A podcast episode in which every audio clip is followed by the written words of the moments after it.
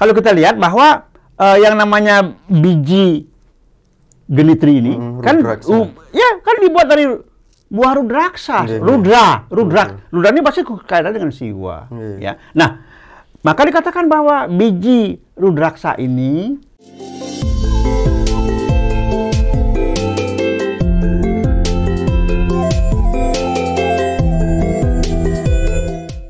Om Swastiastu. Salam Rahayu pemirsa Hindu Channel. Aduh, ternyata Hindu Channel sudah banyak konten-konten atau banyak materi yang selalu diinginkan oleh pemirsa Hindu Channel. Dan hari ini juga kita akan membahas bersama dengan ya siapa lagi kalau bukan Haji Dewa Suratnayu. nggak ada, nggak ada yang lain lagi ya. Sebenarnya ada yang lain, Ji. Cuman pertanyaannya itu mintanya rata-rata ke Haji. Oh gitu ya. Tolong ya. tanyakan ke Haji gitu kan. Astung Kara masih Gitu. masih laku ya. Ya, bukan laku lah. yang emang benar-benar tokoh Hindu yang Gitu mampu ya. memberikan penjelasan secara sederhana. Ya. Ternyata, aduh, ini Ji kita ada ini apa namanya ada baterai di sini, tapi nggak apa-apa Ji kita syuting. ya. Biar aja, nggak Nah, apa-apa. kita ada di situ. Tenang aja Ji. Biasalah kita kan nggak ada ini ya, Ji.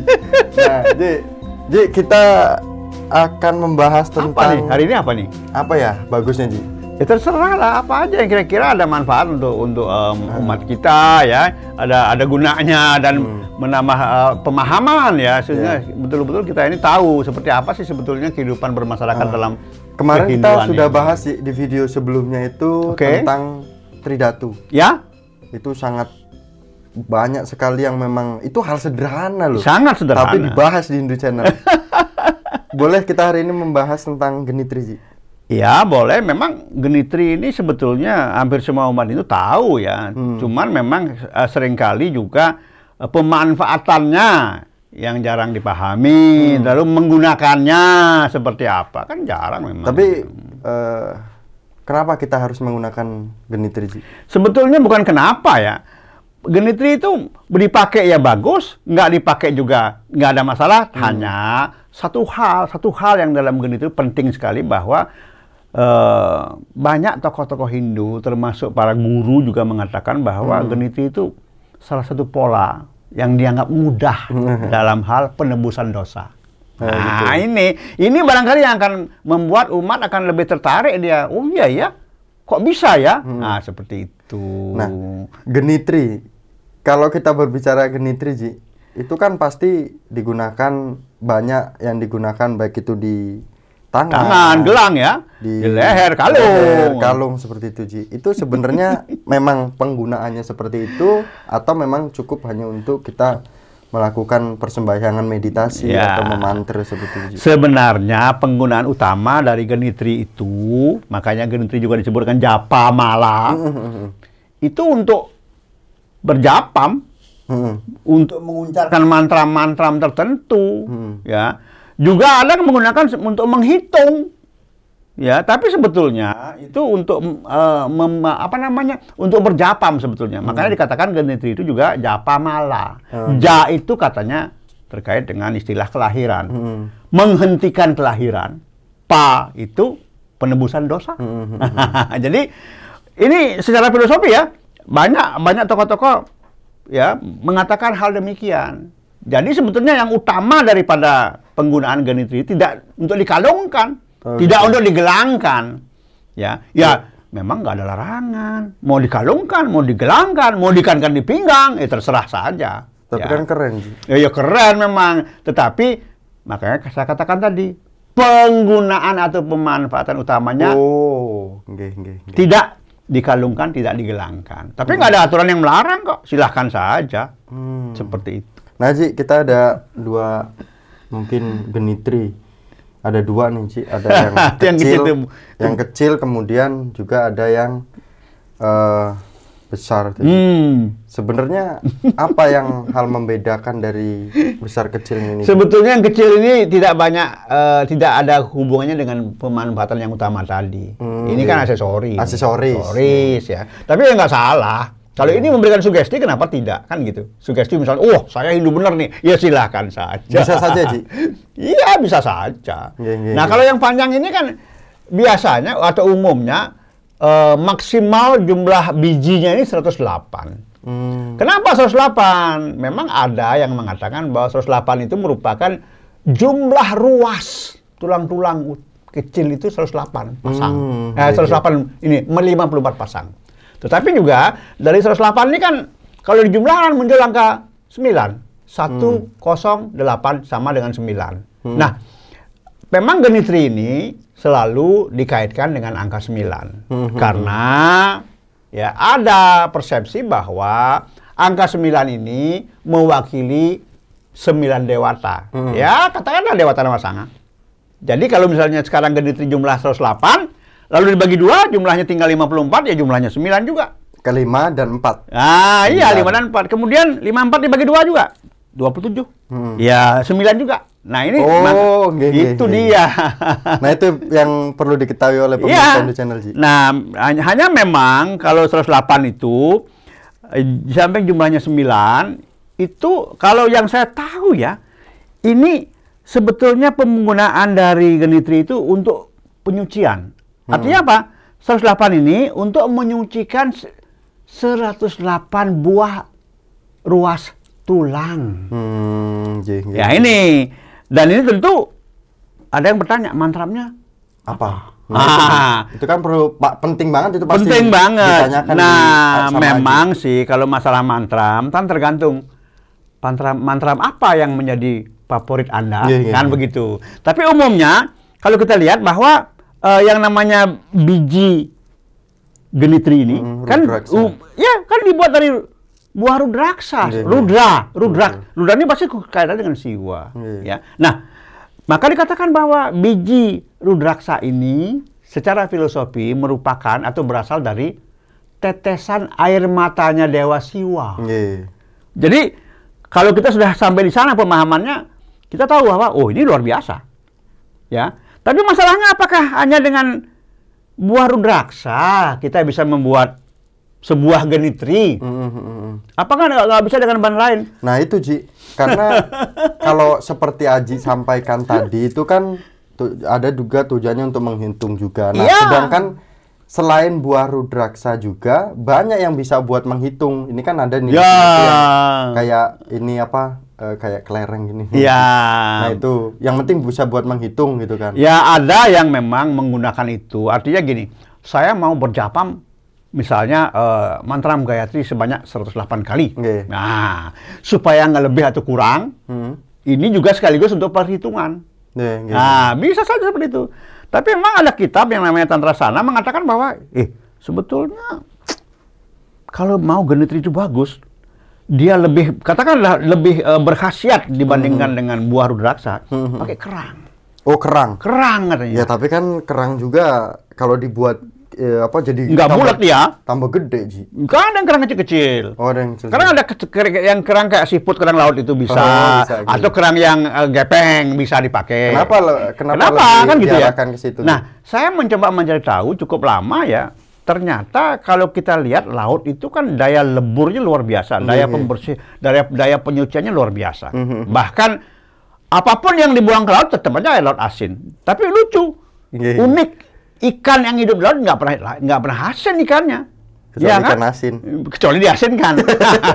Lain lagi ya. Nah, nah kemudian ternyata inti daripada energi laut sendiri bukannya garam, Eh, kerang itu. Jadi itu kan laut air laut kemudian dia memunculkan yang namanya kerang dan kerang ini kan tidak bisa hilang. Artinya kalau garam kan dibuang kena air hujan larut dia hilang dia. Tapi kalau kerang kan enggak.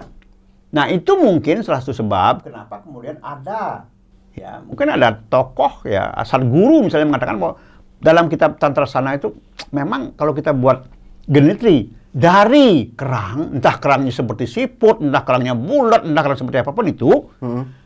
Khasiatnya lebih bagus. Oh gitu. Karena apa? Daya leburnya. Kan tadi awal-awal pembicaraan kita katakan bahwa apa sih peleburan dosa Hmm, peleburan katanya dosa. kan begitu. Nah, jadi mungkin itu karena kerang akan menyerap itu seperti itu. Sehingga Hmm. sebetulnya tidak selalu genitri itu dibuat dari buah rudraksa. Walaupun secara filosofis dikatakan bahwa buah rudraksa itu adalah tetesan air matanya Dewa Siwa.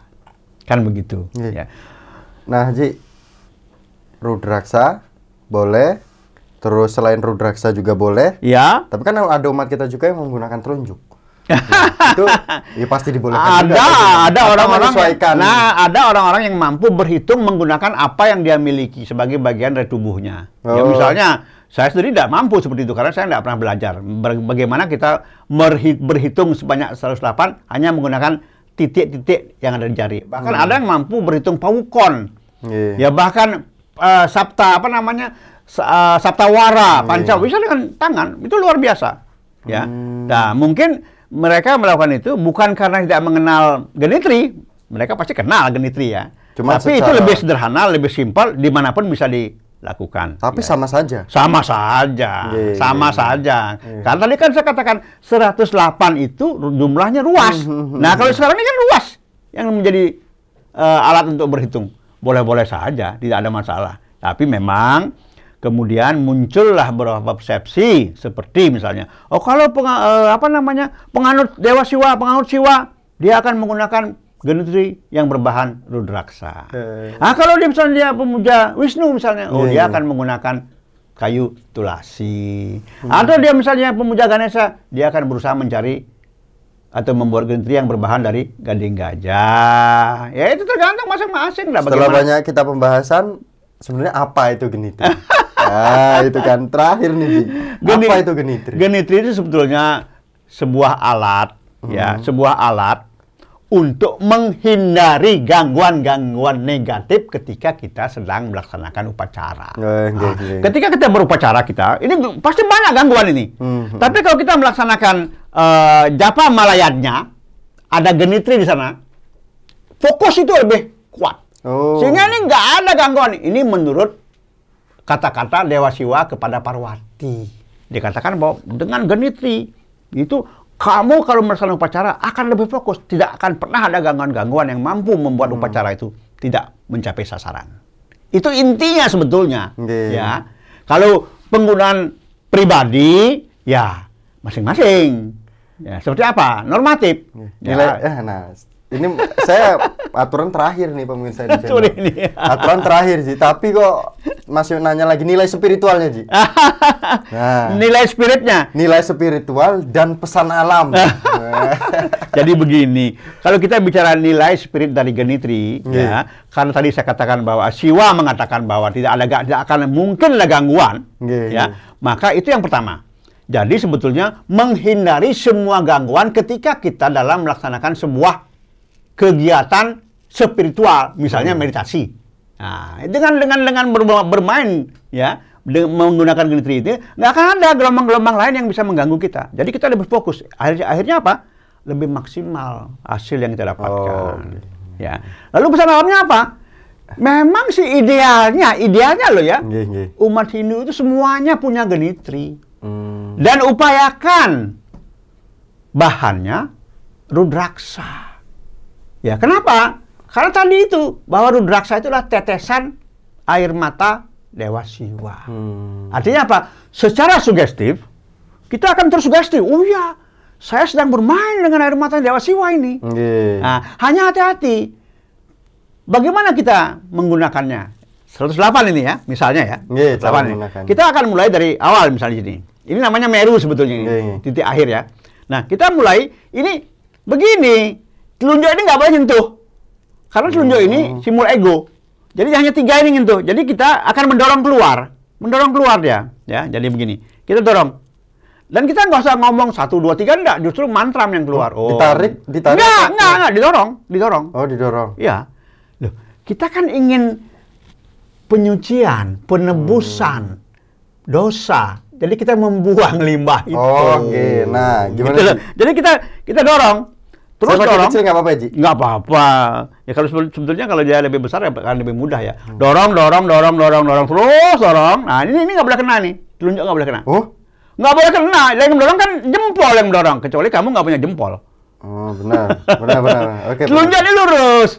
Hmm. Jadi di sini dia ini bijinya didorong, dorong, dorong, dorong, dorong terus. Ketika nanti mendorongnya habis sampai di Meru ini, Hmm. ya nggak boleh kamu mendorong lewatin ini enggak. Oh. Ulangi lagi. Awal lagi 108-nya. Hmm. Nggak bisa. Oh ini udah habis nih. Meru kena. Wah kamu terus aja begini. Jangan dilewatin. Balik lagi enak aja. Seperti itu. Eh, Ini yang jelas telunjuk usaha upayakan tidak menyentuh biji Hmm. genitri. Yang mendorong adalah Usahakan jempol. Telunjuk tidak menyentuh. Menyentuh. Karena telunjuk ini simbol ego. Nggih, nggih, nggih. Katanya begitu. Ya, ini Jika kita sempurna nggak sih? Iya, iya seperti itu. Ya kecuali Miko nggak punya jempol lain cerita. Gimana? Ji. Ini jadi pertanyaan sering ya umat Dharma bahwa ini yang benar yang keluar apa yang masuk? Hmm. Yang keluar karena kita membuang limbah, penyucian Hmm. diri, Siap, siap. penembusan dosa. Jadi kita keluar uang. Eh saya nggak tahu ya bagaimana kalau eh, katakan umat agama lain yang menggunakan genitria, eh, tasbih ya saya nggak tahu itu bukan Hmm. urusan kita ya. Entah Hmm. dia masuk keluar itu bukan kita yang punya urusan. Tapi yang kita Tap- keluar. Tapi boleh nanya ya, Ji, nanti. Oh iya boleh lah. Kenapa pemirsa tidak? Channel jangan lupa untuk bertanya ke Aji Dewa Suratnaya Eh, karena Jadi ada beberapa sastra sebetulnya, Iya. ya Tantra Sana, kemudian Kalika Purana, Sanat Kumara, ini semua bicara tentang genitri. Hanya sayangnya memang di dalam masyarakat Hindu tidak ada aturan mengharuskan menggunakan genitri. Tetapi kalau kita tahu nilai spiritnya bahwa menggunakan genitri itu membuat pengamanan sebuah upacara lain ceritain lagi siap. aman, nggak ada nggak ada gangguan. Nggih, nggih, Kan itu, itu yang penting sebetulnya Ah. nilai spiritnya di sana sebetulnya. Kayaknya udah sih. Cukup ya? Iyalah. Oke. Eh, pemirsa Hindu Channelnya nanti apa namanya agar dapat menerima poin-poin Ya. sederhananya gitu sih. Betul. Terima kasih pemirsa Hindu Channel eh, telah menyimak pembahasan kita hari ini bersama dengan Aji Dewa Suratnaya yang tidak pernah lelah dalam memberikan materinya, pengalaman beliau tentang apa pun yang berkaitan Hindu. Oke. Nah, tentu saja pada hari ini berkaitan tentang genitri. Tetap selalu dukung Hindu Channel, literasi Hindu Indonesia. Jangan lupa like, komen, dan tentu saja subscribe. Subscribe. Bagikan, karena ini akan berdampak pada umat kita yang ada di daerah-daerah untuk mendengarkan dari Aji Dewa Suratnaya. Terima kasih. Kita tutup pada hari ini, Ji Baik. dengan para Mas Santi. Om, Om, Santi, Santi, Santi, Santi. Om. Sukses.